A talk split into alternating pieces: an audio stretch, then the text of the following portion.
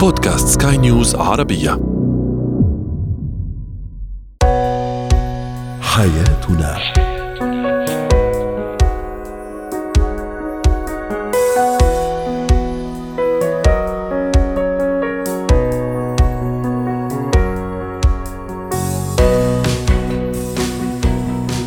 مستمعينا الكرام أهلا بكم معنا إلى حياتنا فضاؤكم اليومي الذي يعنى بشؤون الأسرة وباقي الشؤون الحياتية الأخرى والذي يمكنكم الاستماع اليه عبر منصات سكاي نيوز عربيه dot com slash بودكاست وباقي منصات سكاي نيوز عربيه الأخرى. شاركونا عبر رقم الواتساب 00971 561 88 6223 معي أنا إبتسام العكريمي.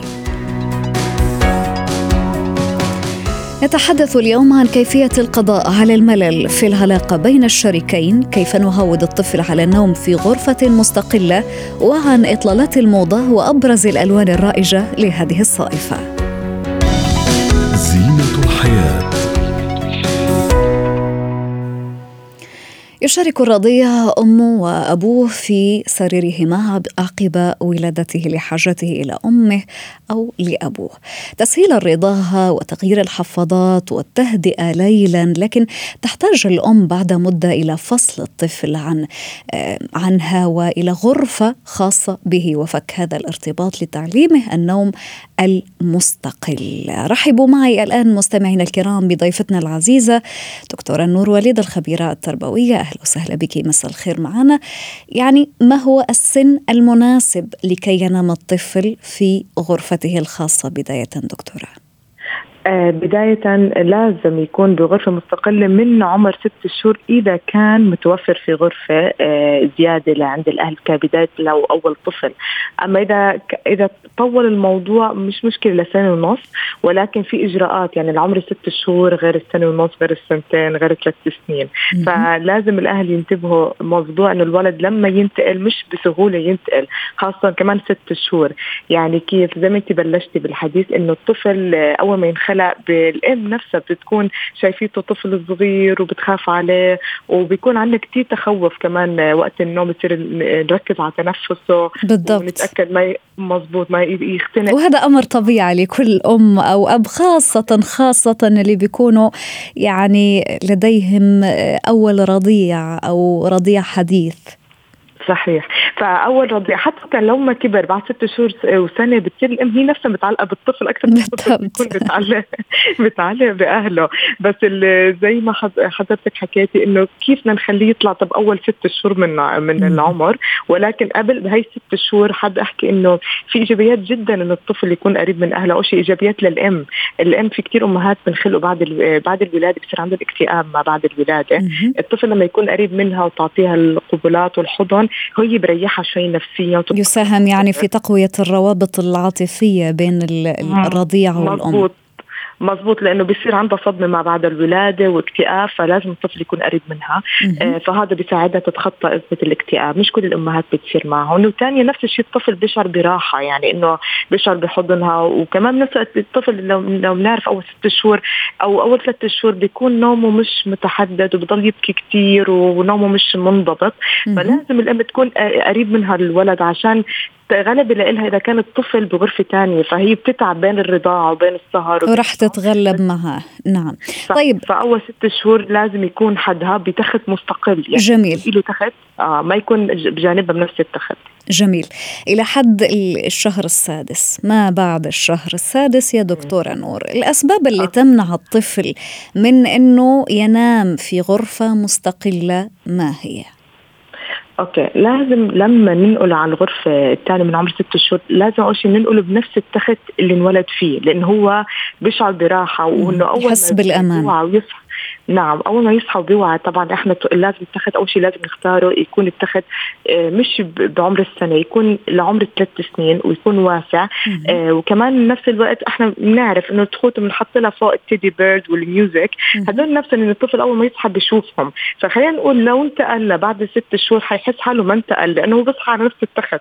هو لسه ما مستوعب إنه الغرفة تنقلت عشان هيك بعمر ست شهور بسهولة إنه ممكن نحطه بالغرفة الثانية. ومع تطور التكنولوجيا صار في كتير كاميرات وسنسرز إنه أول ما الطفل يبكي بيعطينا إشارة بالضبط. إنه الطفل مزبوط هلا في ناس ما ظروفها تقدر تجيبها بس كمان إذا انتظم وقته للولد إحنا فينا نقدر نطل عليه بكل سهولة وأريحية. ولكن المشكلة بيوقع فيها الأهل إنه الولد إنه بيصيروا ينقلوه أكثر من مكان وهذا بيخلي اضطرابات نومية النوم عنده فدائما بيشكوا بقول لك الأهل طب الولد ما عم بينام بوقته وهي بسبب إنك أنت مرة بتناميه بغرفتك ومرة بتناميه بغرفته أو بغرفة الجلوس فالولد بصير عنده اضطرابات بالوقت وما بيشعر بالراحة وهذا كمان النوم هو مهم جدا للطفل النمو يعني النمو الأساس مش بالأكل أكثر من نومه. إذا ما نام ساعات طويلة ومن غير تقطع هو بصير عنده اضطرابات وبصير يبكي. يعني تلاقيه تصحى منكد. منكد. هو ما بيكون جوعان أو كذا بس هو لأنه مش شبعان نوم. فضروري جدا إنه مو بس ننقله لا ننقله ونخليه مستقر مكانه. ساعة ما يتعود على هالتخت. ما نشفى نقول لا ساعة هون وساعة هون لأنه هذا بتاعدنا نحن كمان إذا ما كان شبعان نوم. جميل جدا. دكتورة نور يعني حطيتي إيدك على آه، يعني نقطة جدا مهمة.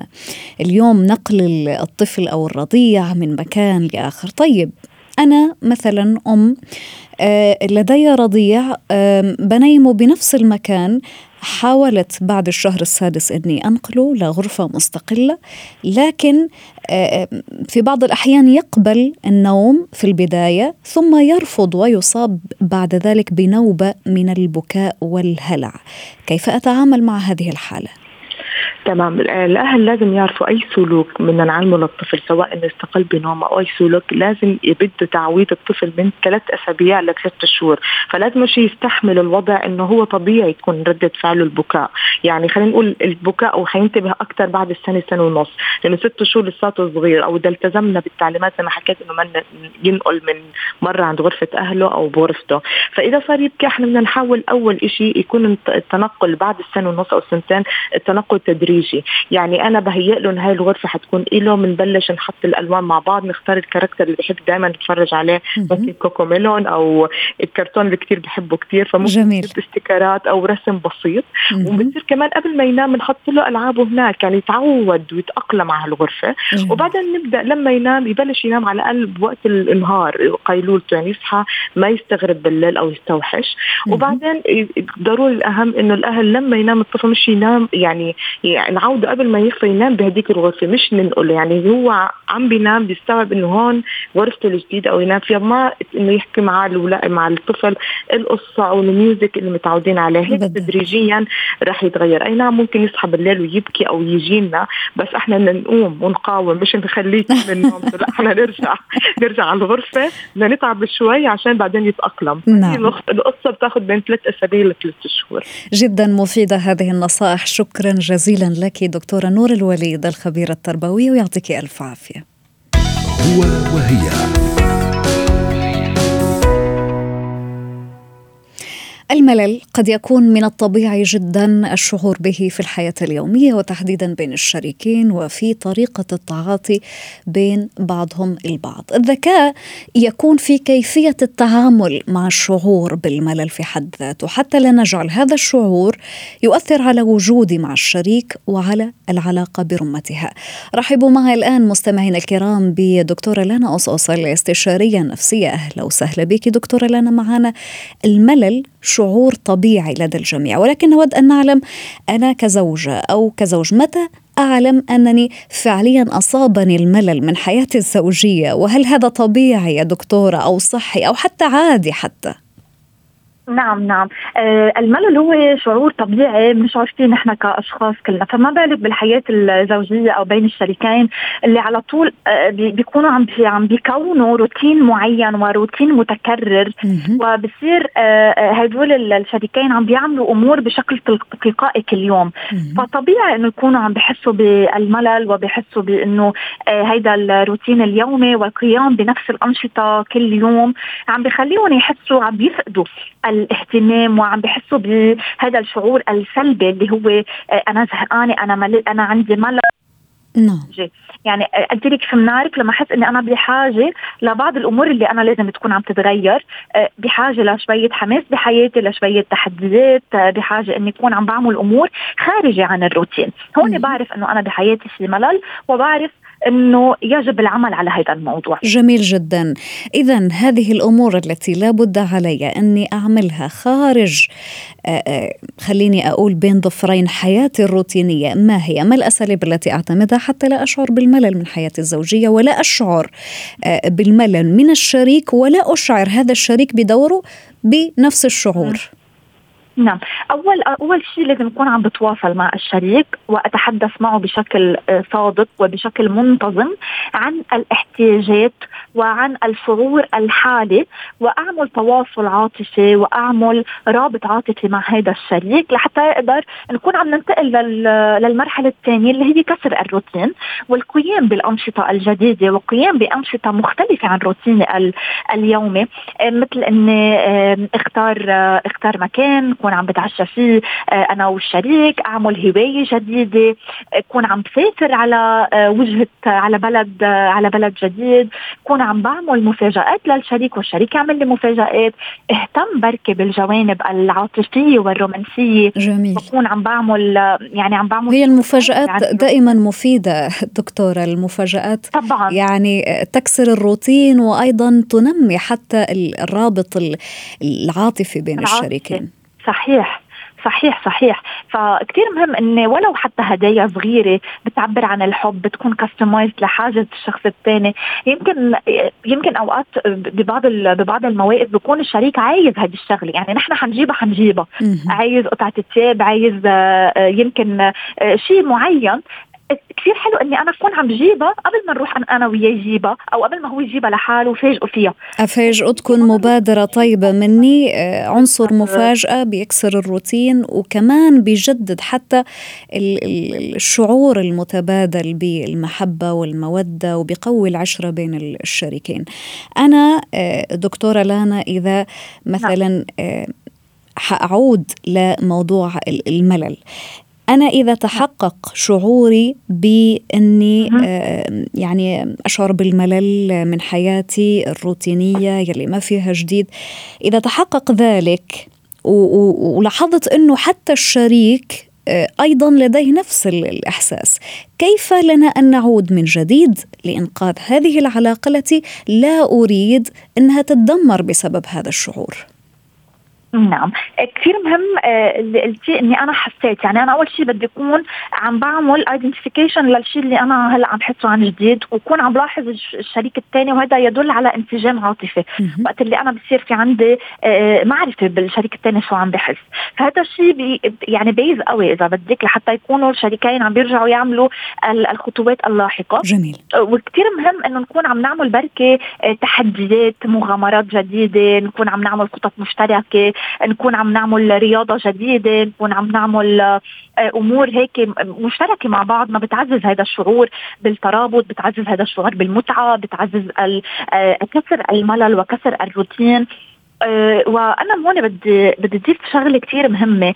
إنه مهم مش بس أكون عم بعمل أمور مشتركة مع الشريك مهم إني أنا أكون كشخص لحالي عم بعمل أمور ويكون عندي يكون عندي الأمور الخاصة فيي اللي يكون عم بعملها إن كان شغلي إن كان حياتي مع أصدقائي حياتي مع عائلتي الأمور اللي أنا بحب أعملها لحالي والشريك نفس الشيء لأن هذا كمان بيساعد على الاستقلالية الشخصية للشريكين وبشارك وبساهم بأنه أنا لما أعمل أي نشاط مع الشريك الثاني حس بالمتعة الزايدة فيه لأنه أنا بكون عم بعمل أمور لحالي وبكون عن جد متعطشة إني اكون عم بعمل هيدا النشاط مع الشريك الثاني فكثير مهم الاهتمام بالجانب الشخصي نعم. مش بس بالجوانب المشتركة مع الشريك لأنه هذا كمان بيكون عم بيكسر الروتين لأنه لما أعمل أمور لحالي وشريكي يعمل أمور لحاله خلص عم نعمل satisfaction لأمور معينة عنا إياها وبالتالي الأمور المشتركة حتكون آه، طعمتها ممتعة آه، أكثر. آه، فيها لذة أكثر وممتعة أكثر.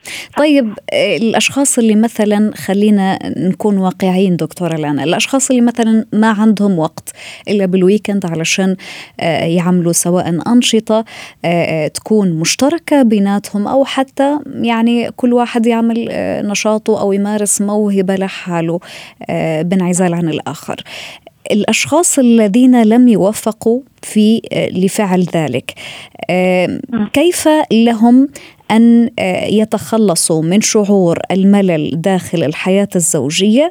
وأيضا آه، دكتورة لانا هل تنصحين مثلا بأخذ إجازة من الشريك؟ خليني أحكي. مثلا أخذ الأبناء إذا عندي أبناء أروح أقضي مثلا كذا يوم عند العيلة أروح لمكان ثاني لحالي علشان أحس بالاشتياق الذي سيعيدني آه، إلى هذا الشريك من جديد. أم أنه آه، تفضلين حضرتك أنه آه، نمارس هاي الأمور اللي بتكون بنكون نحن قريبين من بعض من خلالها. نعم. هلا بهذه النقطة أنا بدي أفتح يعني أفتح احتمالين، في احتمال أول إنه الشريك الآخر عن جد ما بيكون عنده وقت وبيكون منغمس كليا بالعمل وما بيكون عنده الوقت. مشغول. كشريك نعم. لازم نكون عم بتفهم صح. أنا هون كشريك بدي أتفهم متطلبات العمل تاعوله أتفهم المسؤوليات الكبيرة.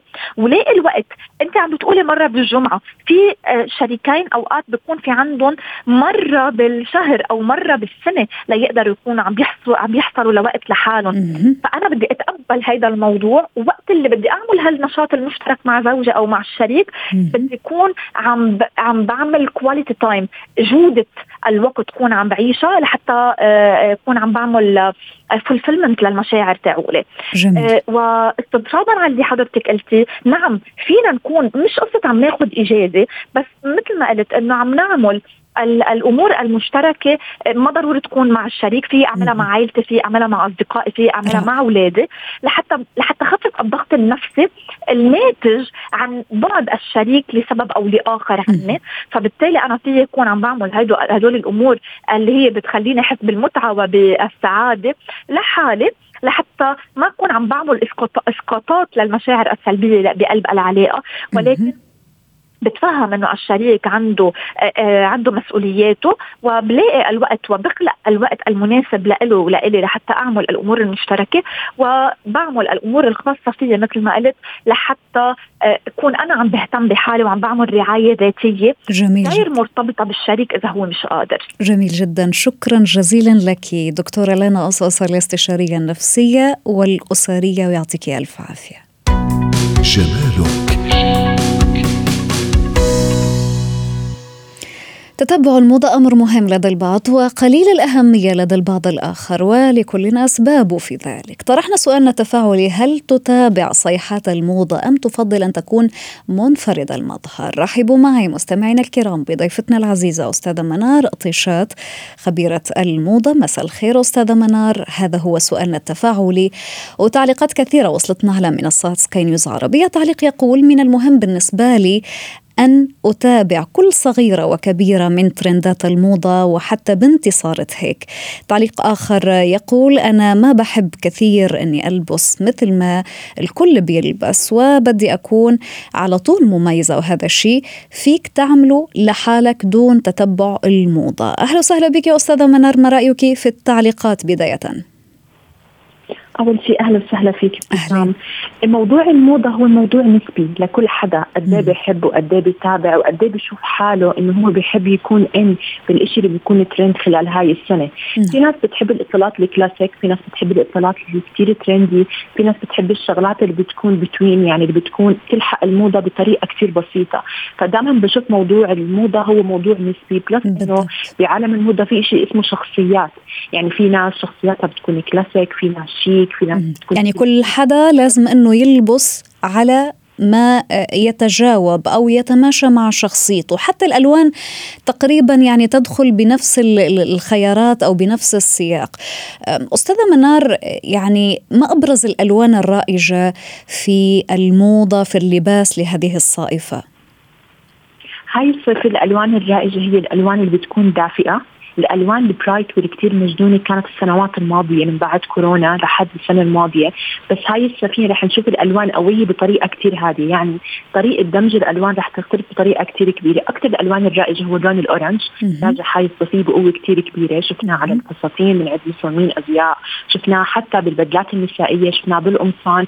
كان خيار كثير كبير. plus اللون الأرجواني هو اللون النهدي اللي إحنا بنحكي عنه. هذا كمان اللون كثير رائج. بس كمان ننتبه إنه يكون هذا اللون اللون أو درجة اللون تحديدا بتناسب بشرتنا. اللون الأصفر اللي بيكون كثير bright أكثر ثلاث ألوان. يعني تقريبا قريبة للألوان النارية. مضبوط صحيح الألوان النارية. نعم. طيب إذا ذهبنا مثلا معك أستاذة منار إلى صيحات الموضة التي تشمل أيضا قصات الشعر. ما أكثر القصات اللي هي ترند لهذا الموسم؟ هي القصات أنا دائما بحكي إنه في قصات بتكون ان كثير بس إذا كانت القصة كثير ترندي وبنفس الوقت ما بتلبق لإلي هذا بنرجع الموضوع الاساسي بنحكي حتى طبعا. كل حدا يعتمد الموضه اللي بتناسبه رح يطلع على شكل وجهي غير لطيف. فدائما أنا أشوف القصة اللي بتناسبني. هلأ أكثر شيء إحنا عم نشوف ريسنتلي هي الغرة اللي بتكون الغره الأمامية. القصة كثير عم بتكون دارجة. الطبقات بالشعر كمان عم بتكون كثير دارجة. هاي الصيفيه بس ولكن دائما بحكي إنه إذا ما كانت القصة الشعر كثير مناسبة على شكل وجهي راح تكون غير لائقة وما راح تعطيها حقها. رح تبين شيء ابدا مو لطيف على المظهر. طبعا يعني دائما لازم إنه نذكر إنه الشخص مش مهم إنه يلحق ترندات الموضة بقدر ما هو مهم إنه يلبس أو يعمل شيء بيكون بيناسب المظهر الخاص به وبيعبر عن شخصيته. إلى الميك أب. آه، اليوم المكياج الخاص بالنهار آه، بعيدا عن الأمسيات وبعيدا عن المناسبات آه، كيف لازم أنه يكون؟ مثلا هل الألوان لازم أنها تكون هادية مثل ال makeup no makeup؟ هل الألوان اللي دارجة هذا الموسم هي الألوان اللي بتكون شوي ملفتة؟ نورينا أستاذة منار. الميك اب رح يكون فكرة no makeup makeup بطريقة كثير simple جميل. يكون كثير natural يكون حتى لون إذا بدي أعتمد أحط بلاش بده يكون نفس قريب للون بشرتي. natural يعني. يا natural انتبه لون ال foundation تبعي. ال lashes ما يكون كثير طوال وكثير كثار لازم يكونوا بس إذا أنا من الناس اللي بحب ال lashes كمان نرجع الالوان كثير ال nude بقوة. الألوان القوية كثير كمان هاي السنة حتكون off ما حتكون موجودة. مم. أي شيء بيكون nude بيكون كثير هادي هو بيظهر جمال السيدة أكثر ماذا عن الايلاينر سواء الأسود أو البني. هلا recently ال eyeliner عم ياخذ كثير space بالعالم لأنه صارت فكرة من السنة الماضية فكرة الألوان بالأيلاينر. يعني شفنا نشوف الأبيض الأزرق الأخضر الألوان تمام. قوية. صراحة حلو بدي touch كثير قوي. بس إذا بدي أعتمد الأيلاينر ملون تحت مثل الأزرق أو إذا بحب ال pink بدي أنتبه إنه يكون الميك وجهي ما يكون عليه كثير ميك اب يعني ما أكون حاطة lashes ما أكون حاطة lipstick كثير قوي لحتى يكون منظري natural بنفس الوقت ضايفه touch على وجهي. أنتبه كمان موضوع الايلاينر للمحجبات إنه غير لائق يكون كثير made up إذا كانت السيدة محجبة رح يطلع مظهر غير لطيف. فهاي ال rules حلو نتبعها لأنها كثير بتفرق بال look تبعنا. نعم. طيب ألوان ال gloss الخاص بالشفاه كيف؟ لابد أنه يعني عندما نتحدث عن الميك أب اليومي ما أكثر الألوان اللي هي دارجة لهذا الموسم؟ الألوان هي ألوان ال nude بدرجاتها البني بدرجاتها. هلأ ال gloss صراحة مش عم بيكون محط كثير أنظار تعون ال makeup artist يعني أهم أسماء ال makeup artist بال Middle East. مش عم يكون يعملوا focus كثير على فكرة ال gloss أنا عم بحب الأشياء ال nude أكثر بتكون matte يعني أي شيء بيكون matte هو اللي بيكون عم ببرز أكثر هاي جميل. لأنه عم يعطي مظهر كثير حلو. ال gloss حلو. إذا بدي أعتمده ممكن أعتمده مع ليب لاينر بطريقة كثير سمبل بطريقة كثير ناتشرال وينحط بطريقة كثير بسيطة. وما يكون اللون أيضا فاقع ويكون طبيعي جدا. شكرا جزيلا لك أستاذة منار اطيشات خبيرة الموضة ويعطيك ألف عافية.